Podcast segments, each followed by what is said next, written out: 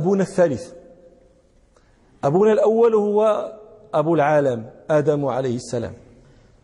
وأبونا الثاني هو أبو العالم أيضا نوح عليه السلام. فكل من على من على ظهر الأرض إنما هو من ذرية نوح. قال ربنا سبحانه ولقد نادانا نوح فلنعم المجيبون. ونجيناه وأهله من الكرب العظيم. وجعلنا ذريته هم الباقين. فالباقون بعد الطوفان ذرية نوح. وأبونا الثالث هو إبراهيم عليه السلام شيخ الأنبياء. قد وصفه ربنا سبحانه بأنه إمام وأنه آه، قانت وأنه آه، أمة وأنه حنيف. قال ربنا سبحانه يا مزال قال وإذ ابتلى إبراهيم ربه بكلمات فأتمهن قال إني جاعلك للناس إماما. والإمام هو المقتدى به. ولذلك ربنا سبحانه لم يأمر نبيه صلى الله عليه وسلم أن يتبع ملة أحد إلا ملة إبراهيم. قال ربنا سبحانه ثم أوحينا إليك أن اتبع ملة إبراهيم حنيفا. وما كان المشركين وكان النبي صلى الله عليه وسلم يعلن بهذا في أذكاره وأنه على ملة إبراهيم. فقد روى الإمام أحمد عن عبد الرحمن بن أبزار رضي الله عنه أن أنه قال كان النبي صلى الله عليه وسلم يقول إذا أصبح وإذا أمسى أصبحنا على فطرة الإسلام وعلى كلمة الإخلاص وعلى دين نبينا محمد صلى الله عليه وسلم وعلى ملة أبينا إبراهيم حنيفا مسلما وما كان من المشركين. سماه إماما وسماه حنيفا وسماه أمة. قال ربنا سبحانه إن إبراهيم كان أمة قانتا لله حنيفا ولم يكن مشركين. كان أمة الأمة هو الرجل الجامع لخصال الخير. كأن إبراهيم عليه السلام اجتمع فيه وحده اجتمع فيه ما تفرق في أمة كلها من خصال الخير. إن إبراهيم كان أمة.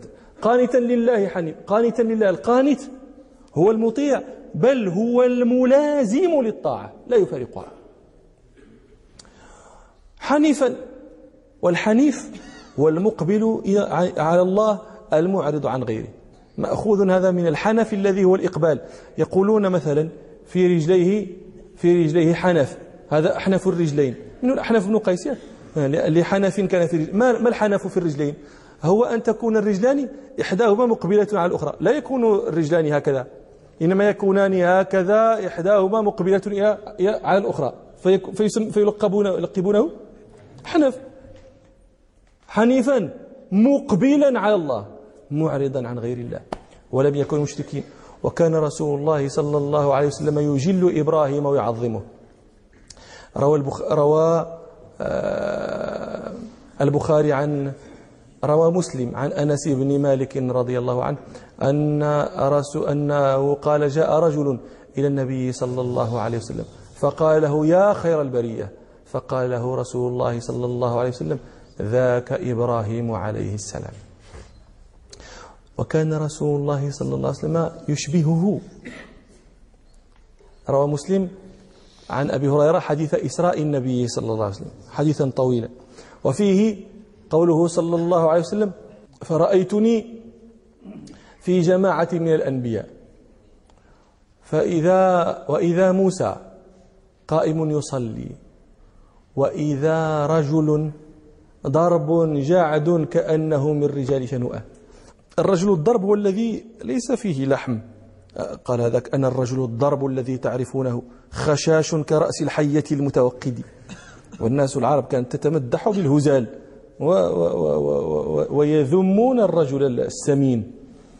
ولذلك قالوا ما أفلح سمين قط. إلا أن يكون محمد بن الحسن صاحب أبي حنيفة قد كان سمينا. ومن ومن الطرائف أنني سمعت مرة واعظا من من الوعاظ في مسجد من المساجد يذكر هذا يقول ما أفلح سمين قط وهو سمين.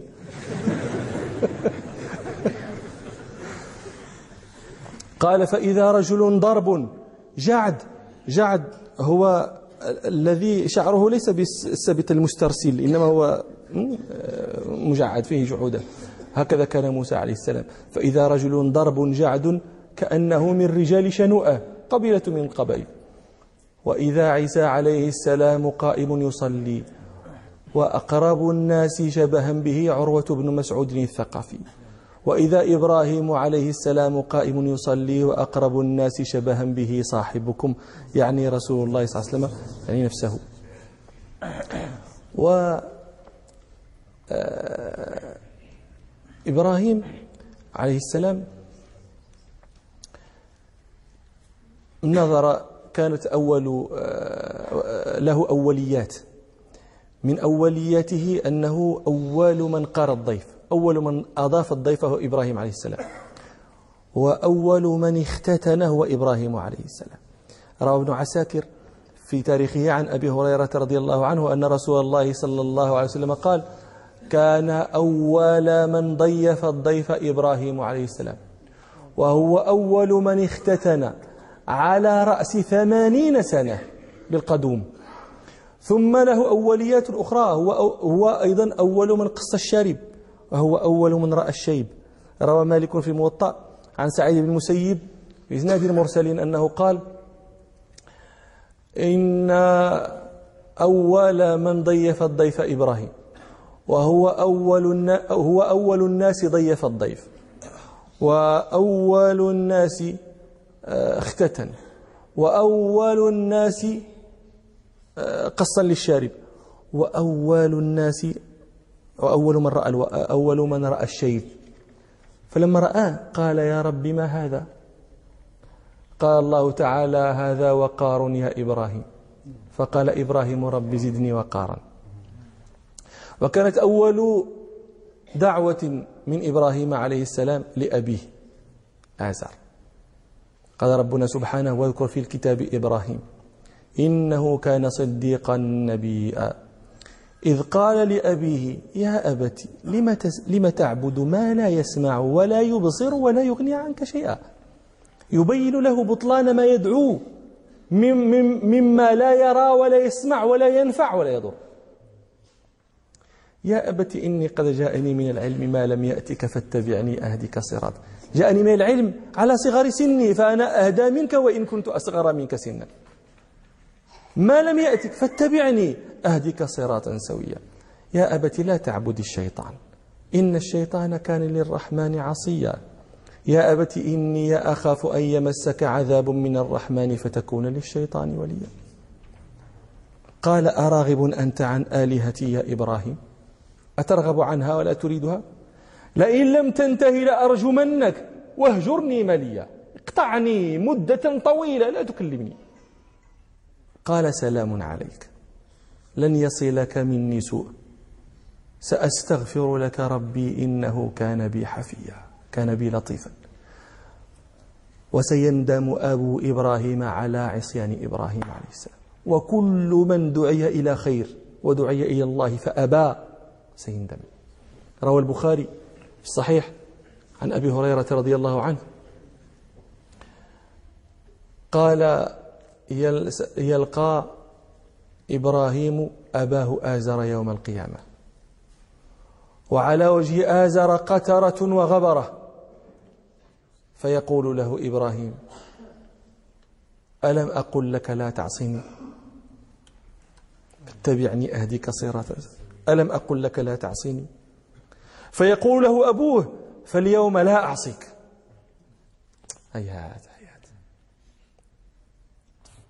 كل من دعي إلى الله فأخذته العزة بالإثم ورأى أن قبيله يغني عنه فسيقول مثل ما قال أبو إبراهيم.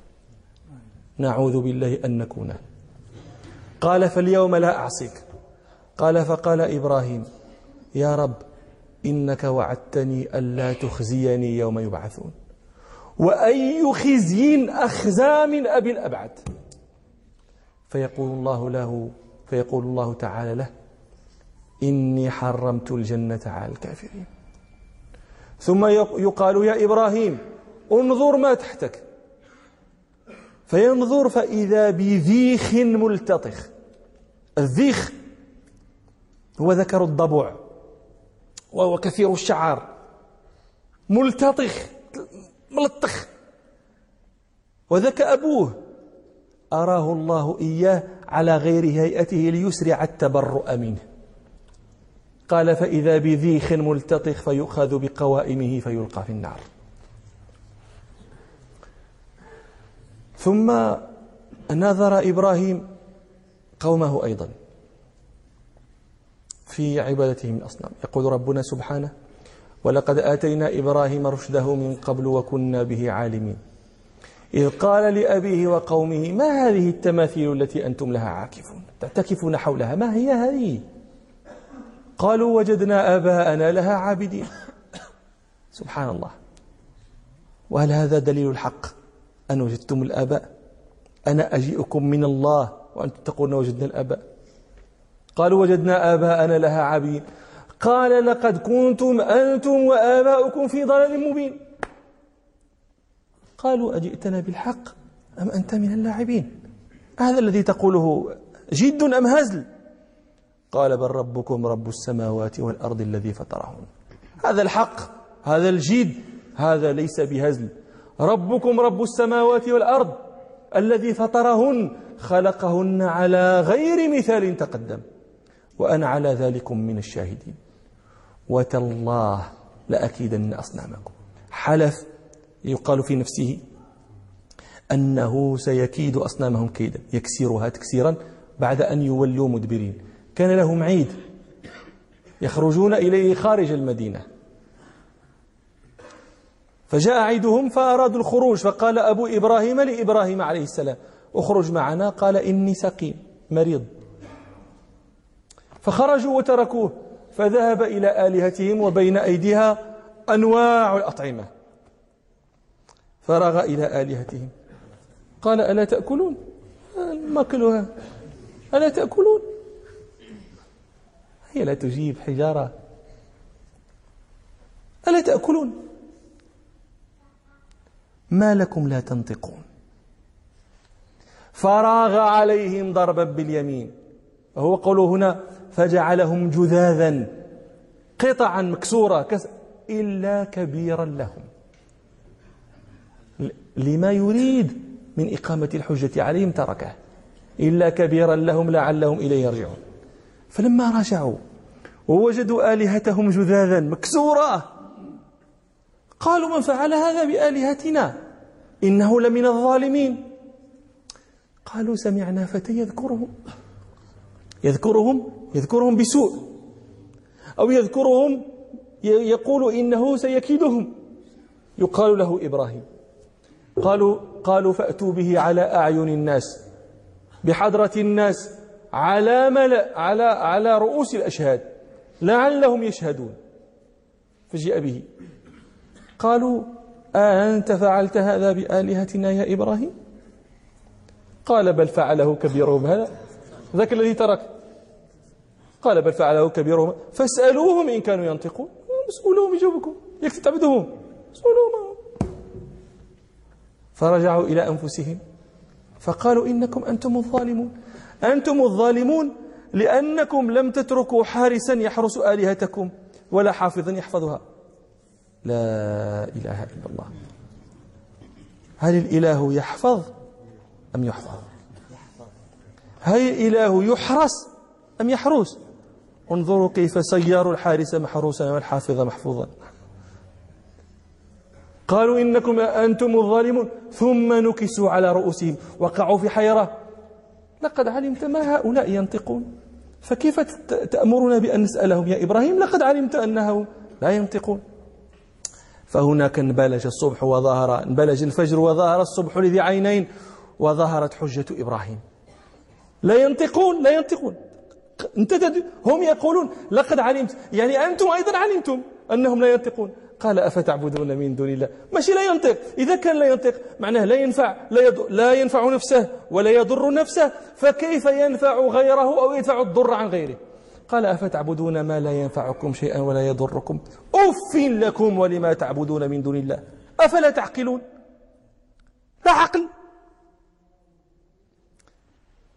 فلما غلبوا وذهبت كل حجة لهم بل كل شبهات حجة لهم. فعلوا ما يفعله كل عات جبار. يلجأ إلى القهر وإلى السطو. قالوا حرقوه. وانصروا آلهتكم إن كنتم فاعلين.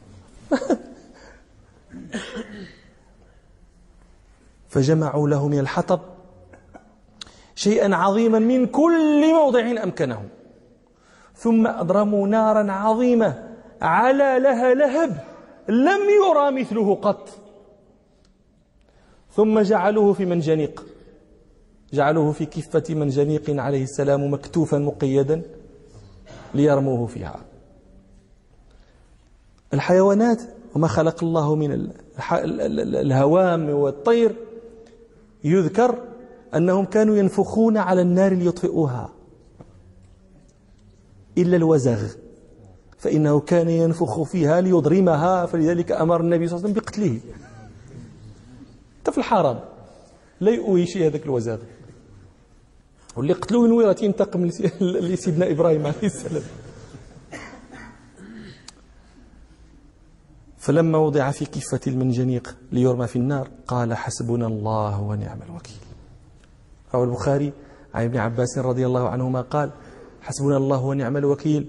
قالها إبراهيم عليه السلام حين ألقوه في النار. وقالها محمد صلى الله عليه وسلم حين قالوا إن الناس قد جمعوا لكم فاخشوهم فزادهم إيمانا وقالوا حسبنا الله ونعم الوكيل. فانقلبوا بنعمة من الله وفضل لم يمسسهم سوء. واتبعوا رضوان الله والله ذو فضل عظيم. فلما قال حسبنا الله ونعم الوكيل جاء فرج الله وأدركت عناية الله. قال بصيري عناية الله وقاية الله أغنت عن مضاعفة من الدروع وعن عال من الأطم. وقاية الله عناية الله. قلنا يا نار كوني بردا وسلاما على إبراهيم. وأرادوا به كيدا فجعلناه الأخسرين.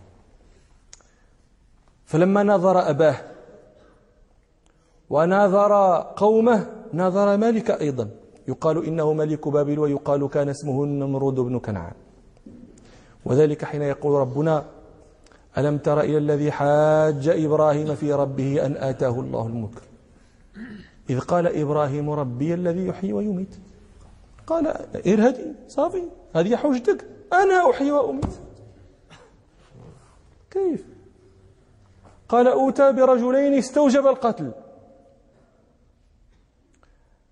فأنزل بأحدهما العقوبة فأكون قد أمته وأعفو عن الآخر فأكون قد أحييته. وهذا عند علماء المناظرة والجدل يسمونه تشغيبا وخروجا عن مقتضى المناظرة. عن هذا الملك في هذا في هذا المقام خرج عن مقام المناظرة وشغب تشغيبا محضا. كيف هذا؟ لأنه أوهام حجة وليس بحجة. قال أنا أحيي وأميت. وكذب. كذب. لأنه ما الإماتة؟ قال أوتى برجلين قد استوجب القتل فأقتل أحدهما فأكون قد أمته. كذب. هذا قتل ليس إماتة. ما الفرق بينهما؟ كلاهما فيه مفارقة الروح للجسد. لكن القتل الروح تفارق فيه الجسد؟ بسبب هدم البنية. البنية هدمت البنية نقضت. ففرق ففارق الروح الجسد. أما الإماتة فهي مفارقة الروح للجسد من غير هدم للبنية. البنية ها هي والروح فارق هذه الإماتة وهذه لا يقدر عليها النمرود ولذلك فرق القرآن بين القتل والموت. قال ربنا ولئن قتلتم في سبيل الله أو متم. لمغفرة من الله ورحمة خير مما تجمع ولئن متم أو قتلتم لإلا ففرق بينهما. ومثل ذلك الإحياء أيضا. ما الإحياء؟ هو رد الروح في جسد خرجت منه الروح. هذا هو الإحياء. والعفو عمن استحق القتل ليس إحياء. هذا استبقاء ليس إحياء. لأن الروح لم تخرج من الجسد. ولهذا قلنا لكم إن هذا تشغيب محض وخروج عن مقام المناظرة. لكن لما كان هذا التشغيب قد لا يفطن له أكثر السامعين والحاضرين للمناظرة. ويحسبون أن الملك أتى بحجة قاومت حجة إبراهيم عليه السلام. ترك إبراهيم عليه السلام الحديث فيها جملة وأتى بحجة أخرى. فقال فإن الله يأتي بالشمس من المشرق. فأتي بها من المغرب. فبهت الذي كفر. والله لا يهدي القوم الظالمين. قال بعض العلماء هذا حتى من سوء التوفيق. هذا الملك مخذول من الله تعالى لأنه قد كان يمكن أن يقول لما قال له إبراهيم فإن الله يأتي بالشمس من المشرق كان يمكن يقول لا لا أنا الذي أتي بالشمس من المشرق فقول الله يأتي بها من المغرب. حتى هذه ما جاتش لتفهموا أن التأييد من الله والخذلان من الله. فلما نظر إبراهيم عليه السلام أباه وقومه والمالك ولم يتبعه أحد ولم يؤمن به أحد إلا لوط. عليه السلام هاجر. هاجر قومه وهاجر من من عندهم وخرج هو وسارة زوجته ولوط. وذلك قول ربنا فآمن له لوط وقال إني مهاجر إلى ربي. وفي هجرته تلك من بلد قومه مر بمدينة من المدن. يقال هي حران ويقال هي الأردن ويقال هي مصر. وفي تلك المدينة وقعت قصة كان آثارها مجيء هاجر أم إسماعيل أم العرب مع إبراهيم عليه السلام. وهذه القصة يرويها الشيخان عن ابن عباس رضي الله عنهما أن إبراهيم آه، قال بين هو وذات يوم وسارة إذ أتى على جبار من الجبابرة. فقيل له للجبار إنها هنا رجلا معه امرأة من أحسن الناس. فأرسل إلى إبراهيم. فلما دخل عليه قال له من هذه? قال إبراهيم وهي أختي. لذلك قال النبي صلى الله عليه وسلم لم يكذب إبراهيم صلى الله عليه وسلم إلا ثلاث كذبات ثنتين منهن في ذات الله. قوله إني سقيم. إني مريض. وقوله بل فعله كبيرهم هذا. وهذه هي الثالثة لما قال يا أختي. قال هي أختي. فأرسل الجبار إلى سارة. فقال لها إبراهيم عليه السلام قبل أن تدخل على الجبار قال لها يا سارة إنه ليس على ظهر الأرض مؤمن غيري وغيرك. وإن هذا سألني عنك. فأخبرته أنك أختي فلا تكذبيني. فلما دخلت سارة على الجبار مد يده ليتناولها. فأخذ. فقال لسارة فقال لها ادعي الله لي ولا أضرك. فدعته فأطلق. فذهب يتناولها الثانية فأخذ مثلها أو أشد. فقال ادعي الله لي ولا أضرك. فدعته فأطلق. فدعا بعض حجبته. وقال لهم إنكم لم تأتوني بإنسان. إنما أتيتموني بشيطان. وأخدمها هاجر. يقال إن هاجر كانت بنت مالك القبط. فأخدمها سارة أعطاها جارية لسارة. فجاءت دخلت سارة على إبراهيم وهو قائم يصلي. فأشار بيده ما هي؟ اش كاين اش مطرى ماذا وقع؟ ما هي؟ فقالت رد الله كيد الكافر أو الفاجر في نحره وأخدم هاجر أخدمني هاجر فقال أبو هريرة فتلك أمكم يا بني ماء, بني ماء السماء. بنو ماء السماء هم العرب. لأنهم كانوا يتتبعون مواطع القطر من السماء فلقبوا بني ماء السماء. فأخذت سارة هاجر وذهبوا جميعا. ثم أهدت سارة هاجر التي كانت أمة لها أدتها إبراهيم. فدخل بها إبراهيم عليه السلام فحملت منه. وكانت سارة عاقرا لا تلد. فغارت من هاجر كما تغار النساء.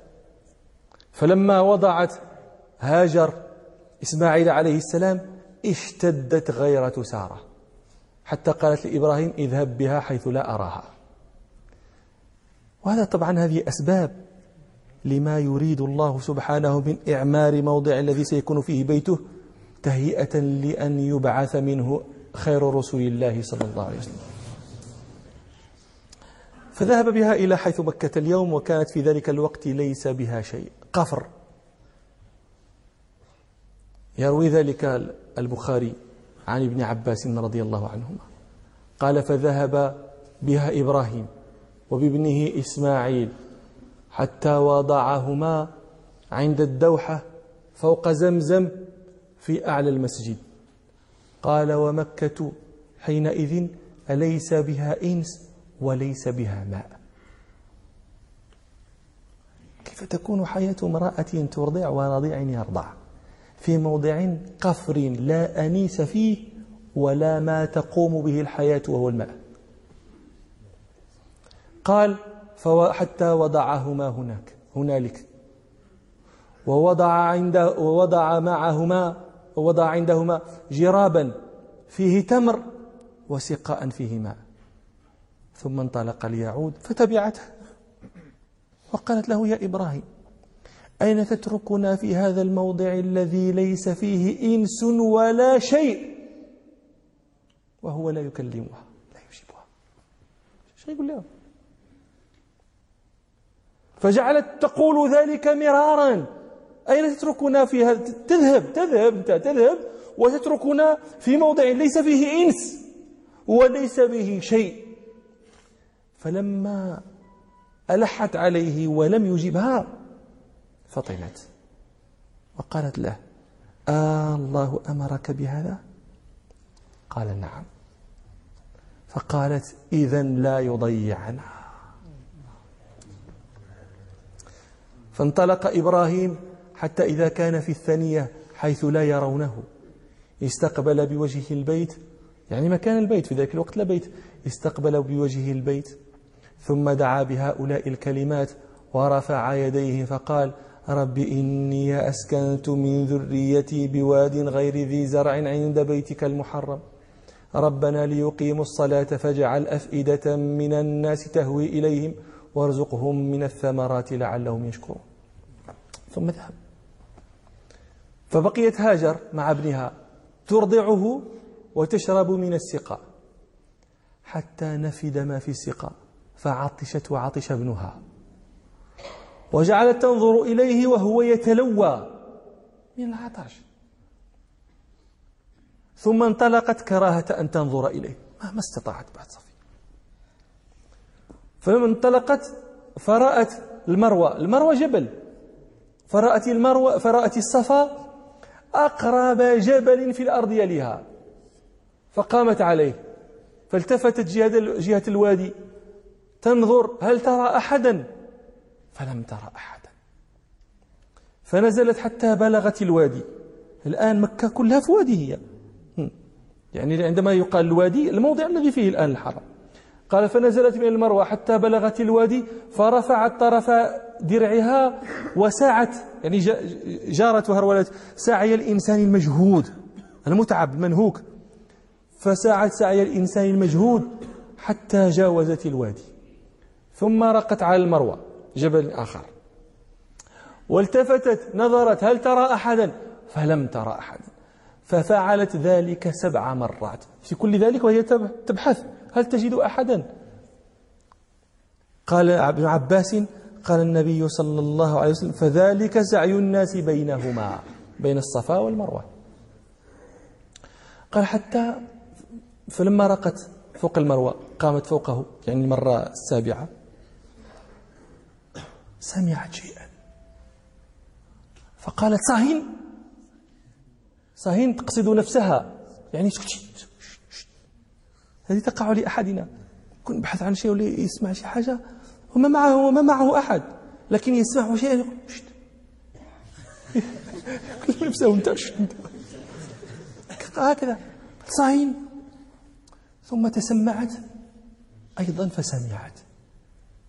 فقالت حينئذ قد أسمعت لو كان عندك غواث. يعني إذا عندك غواث أغث قالت فإذا بالملك. واقف عند زمزم. فبحث بعقبه أو قال بجناحه حتى ظهر الماء. قالت فجعلت تحوطه تقول بيدها هكذا وجعلت تغرف من الماء في سقائها قال رسول الله صلى الله عليه وسلم رحم الله أم إسماعيل. لو أنها تركت زمزم أو قال لو أنها لم تغرف من الماء لكان زمزم عينا معينا. لكن هذاك الغرف وهذاك التسرع في هو طبعا هي معذورة هذا شيء يفهم.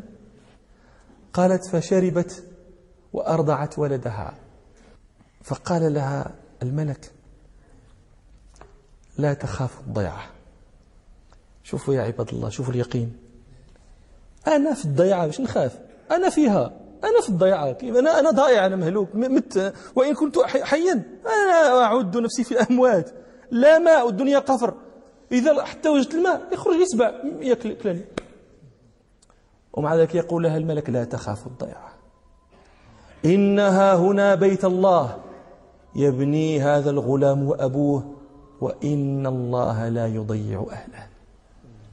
وإلى لقاء آخر إن شاء الله. سبحانك اللهم وبحمدك أشهد أن لا إله إلا أنت أستغفرك وأتوب إليك والحمد لله رب العالمين. في هذا الحديث الذي آه، كثرت مجالسه اليوم الرابع؟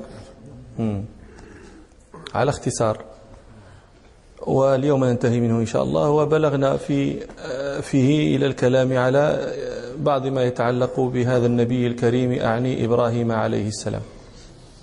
وقد بلغنا في الحديث عندما آه، ظهر زمزم بواسطة حفر الملك إما بعقبه أو بجناحه وقوله لهاجر إن آه، إنها لا ينبغي أن تخاف الضيعة فإن هنا بيتا لله تعالى يبنيه هذا الغلام وأبوه. وإن الله تعالى لا يضيع أهله. وتمام الحديث قال قال ابن عباس فمكثت على ذلك مكثت كذلك هاجر. ترضع ابنها من ماء زمزم. وأنتم تعلمون أن لا طعام لها إلا زمزم.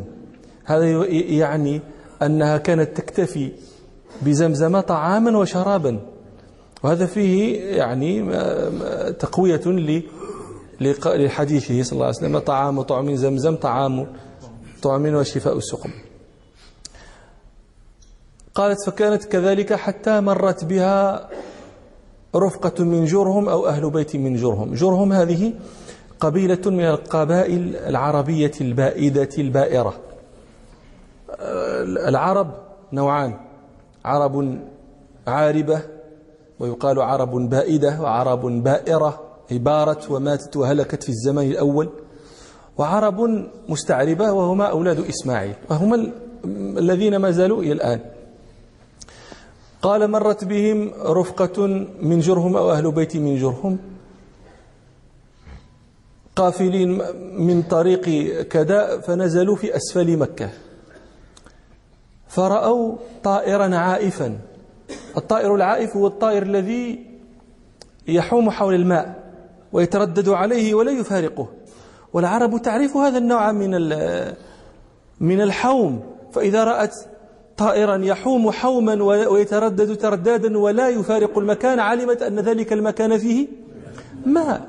فلما رأوا ذلك الطائر قالوا قالت تلك الرفقة من جرهم إن هذا الطائر لا يدور على ماء. ولا عهدنا بهذا الوادي وليس فيه ماء. قال فأرسلوا جريا أو جريين. الجري الرسول يجري لأنه يجري في مصالح أهله.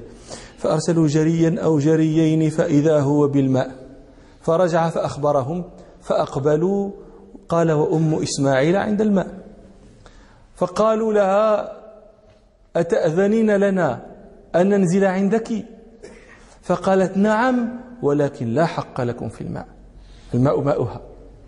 فقالوا قال ابن عباس قال النبي صلى الله عليه وسلم فألفى ذلك أم إسماعيل وهي تحب الأنس أو تحب الإنس رواية عند البخاري. تحب الإنس آه، لأنهم لأنه جنسها. وتحب الأنس لأنها تكره تستوحش من الخلوة. فقالوا نعم ثم أرسلوا إلى أهلهم فنزلوا مكة. وثم نشأ إسماعيل بينهم وشب بينهم ومنهم تعلم العربية فاستعرب.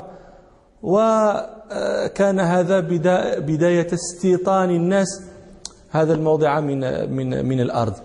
لما يريد الله تعالى فيما بعد من عمارة البيت وتناسل الناس إلى أن يخرج منهم من هذا البيت آه، هذا النبي الكريم صلى الله عليه وسلم.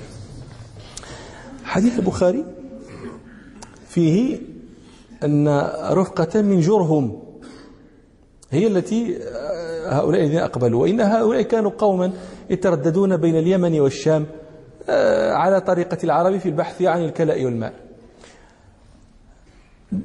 هذا آه، يصحح ما ذكره الشيخ البدوي في عموده لما قال أول من ساكنها العمالقة أول من ساكن هاجر في مكة العمالق. العمالق هذه أيضا قبيلة عربية قديمة القبائل العربية القديمة عاد. وثمود وتصم وجديس وعبيل وأميم والعماليق وجرهم. هذو قبائل العربية البائدة هذه العرب البائدة. قال هو أول من ساكنها العمالق. لا جرهم. أول من ساكنها العمالق. وإذ بغى في الحرم الزنادق. يقصد العمالق. لما بغوا في الحرم أخرجهم منها مضاد الجرهم. جاءت جرهم فأخرجت العمالق من مكة. هذا هذا يعني أنه وهذا الذي ذكره البدوي ذكره غير واحد من من أهل التاريخ منهم المسعودي في مروج الذهب وغيره. يذكرون أن العمالقة هم الذين جاءوا أولا وساكنوا هاجر ثم جاءت بعد ذلك جرهم. ولما بغت آه، العمالقة في آه، الحرم أخرجهم منها مضاد سيدهم سيد جرهم مضاد الجرهم. لكن هذا يخالف ما في البخاري ما في الصحيح وأن الذين أتوا وساكنوا هاجر الجرهم لا لا العمالق إلا أن يقال كما قال بعض أهل الأنساب إن جرهما من العمالقة. وابتلى إبراهيم ربه ابتلاء آخر. لما أمره بذبح ابنه. وذلك لما بلغ إسماعيل مع إبراهيم السعي.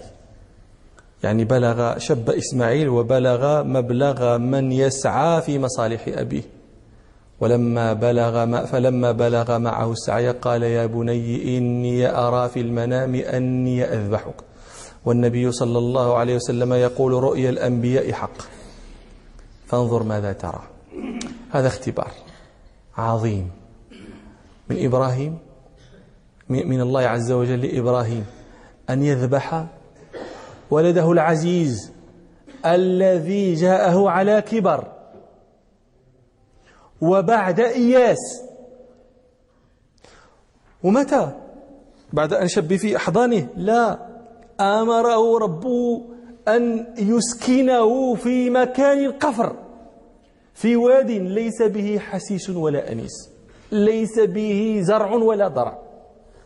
فامتثل أمر الله ووضعه هناك.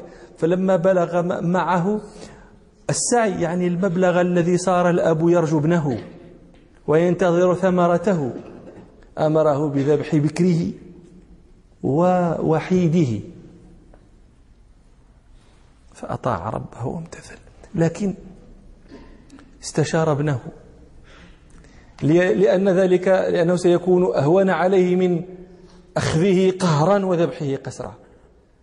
قال يا بني إني أرى في المنام أني أذبحك فانظر ماذا ترى. ماذا ترى في هذا الذي أعرضه عليك من الذبح؟ ماذا ترى في هذا الذي لا يعرض على أحد؟ وفي قراءة الأخوين فانظر ماذا ترى. ماذا تظهر؟ من الجزع؟ أو ماذا تظهر من الصبر؟ أو ماذا تري؟ ماذا تريك نفسك؟ ماذا تشير ما الذي تشير به نفسك عليك في هذا؟ قال يا أبت افعل ما تؤمر. ذرية بعضها من بعض البلد الطيب يخرج نباته بإذن أمرك ربك بهذا؟ أن تذبحني قال يا أبت افعل ما تؤمر. ستجدني إن شاء الله من الصابرين. لا إله إلا الله. شرك إن شاء الله انظروا إلى تلك الجملة تلك الجملة الاعتراضية. إن شاء الله. يعني إذا وجدتني صابرا وهي الحال التي التي ترضيك عني ويرضى بها ربك عنك. فإنما أكون كذلك إن شاء الله. لا إن شئت أنا. لأنني إن شئت ولم يشأ لا يكون. لن تجدني من الصابرين. إن شاء الله. براءة من حولي وقوتي إلى حول الله وقوتي. فلما أسلما أسلما أمرهما. إبراهيم ذابحا وابنه مذبوحا. وتله للجبين. تله ألقاه على جبينه. ليذبحه من قفاه. لأن هو يمتثل أمر الله. جدا جدا. فما قدر أن يذبح ابنه من عنقه لأن عينيه ستقعان على عيني ابنه وهو يضطرب ويذبح. فألقاه على جبينه ليذبحه من قفاه لا يرى جزع ابنه ولا اضطرابه ولا ألمه. هادشي حاجة كثيرة. لا إله إلا الله. فلما أسلم وتله للجبين وذبح بالسكين أمر السكين على القفا لكن السكين لم يصنع شيئا. وناديناه أن يا إبراهيم قد صدقت الرؤيا. إن هذا لهو البلاء المبين لهو الاختبار العظيم. طيب هذا. يعني شوفوا لتفهموا لتفهموا. إبراهيم سبحان الله. إبراهيم عليه السلام ابتلي ابتلاءات عظيمة. لما كان فتى ليس له شيء يخاف عليه إلا مهجته إلا نفسه التي بين جنبه. لا ما, عنده ما يخاف عليه. كان الابتلاء في نفسه. حرقوه وانصروا آلهته الابتلاء في ما في أحب شيء لديه هو نفسه. لأنه لا لا يحرص على غير نفسه ما يحرص على نفسه. فكان الابتلاء في ذلك. وقبل وأطاع. فلما بلغ من الكبر عتيا وهو ولا ولد له وولد وجاءه الابن بعد انتظار طويل. وفارقه مدة إلى أن بلغ السعي. حينئذ لو خير إنسان مثل هذا. بين أن يبتلى في هذا الولد في هذه في هذه البضعة منه أو يبتلى في نفسه هو. ما الذي كان يختاره؟ أي إنسان؟ تجد الواحد من الناس يمرض ابنه يمرض ابنه الصغير ويشتد مرضه ويذبل عيناه تذبل عيناه وتصفر وجنته وينحل جسمه فيقول يتمنى لو أن ذلك المرض وإن كان فتاكا قاتلا يرفع عن ابنه ليلقى عليه لأن ابتلاءه في ابنه أشد من ابتلائه في نفسه. فلما كان هكذا ابتلاه الله في ابنه وما ابتلاه في نفسه. ثم ابتلاه باش؟ بالذبح. والذبح هذا قتل في ظاهر العين يأخذ وقتا. لأن الذبح يتلوه قطع ويتلوه اضطراب ويتلوه دم يسير. ثم مع ذلك أمره أن يلي هو نفسه ذبح ابنه. ماشي؟ لا يقول اذهب ألقه من شاهق أو مر فلان يذبحه أو أن تذبحه بيدك. شوفوا الله تعالى يقول إن هذا لهو البلاء المبين. انظروا كم في هذه الجملة من المؤكدات. إن هذا لهو البلاء المبين. ثلاث من المؤكدات. إن ولم تأكيد و و و وتعريف المسند والمسند إليه. لأنه ثم ربنا يقول مبين عظيم. والرب هذا هو الذي يحكم على هذا البلاء. فإذا لا عجب بعد ذلك انظروا ثم لتفهموا شيئا. حتى لا يقول قائل أو يظن ظان أو يتوهم متوهم ما, ما, ما هذا البلاء كله؟ رسول الله صلى الله عليه وسلم كان يناجي ربه في صلاة الليل فيقول داعيني الله والخير كله بيديك والشر ليس إليك. ليس من أفعال ربنا شر أبدا. وهذا كلها أنتم ترون أن هذه في ظاهر في مرأى العين بادي الرأي شر ولكن ليس عاقبة شيء منها شرا أبدا. ها النار التي ألقي فيها انظروا ثمرة ذلك. الذبح الذي أمر انظروا ثمرة ذلك. فاستحق إبراهيم أن يكون إماما للخلائق لما وفى. ثم أثنى عليه ربنا ثناء عظيما. أم لم ينبأ بما في صحف موسى وإبراهيم الذي وفى. وفى جميع الشرائع. شرائع الله وفاها كلها. فاستحق أن يكون إماما للخلائق. وإذ ابتلى إبراهيم ربه بكلمات فأتمهن أتم جميع الكلمات. كل ما آمره ربه به امتثله. فاستحق أن يكون الإمام.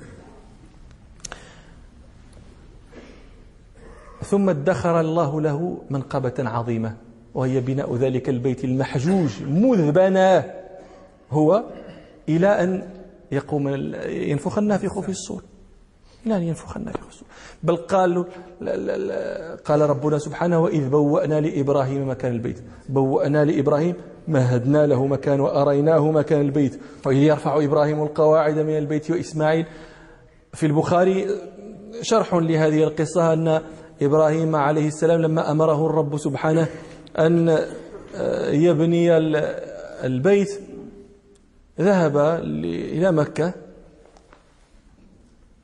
فإذا فوجد إسماعيل يبري نبلا له تحت دوحة قريبا من زمزم.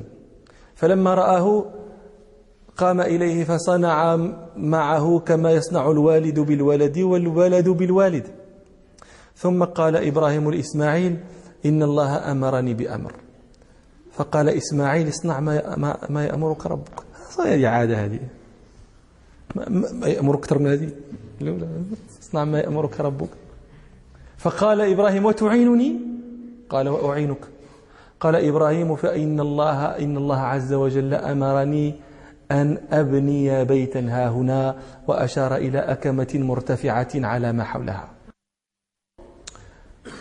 فقام إسماعيل يناول الحجارة وإبراهيم يبني حتى إذا ارتفع البناء. أتى بهذا الحجر فق بهذا الحجر فقام عليه. شوف شوف تفهموا. لا إله إلا الله. هل الله عز وجل لما أمر إبراهيم عليه السلام ببناء بيت؟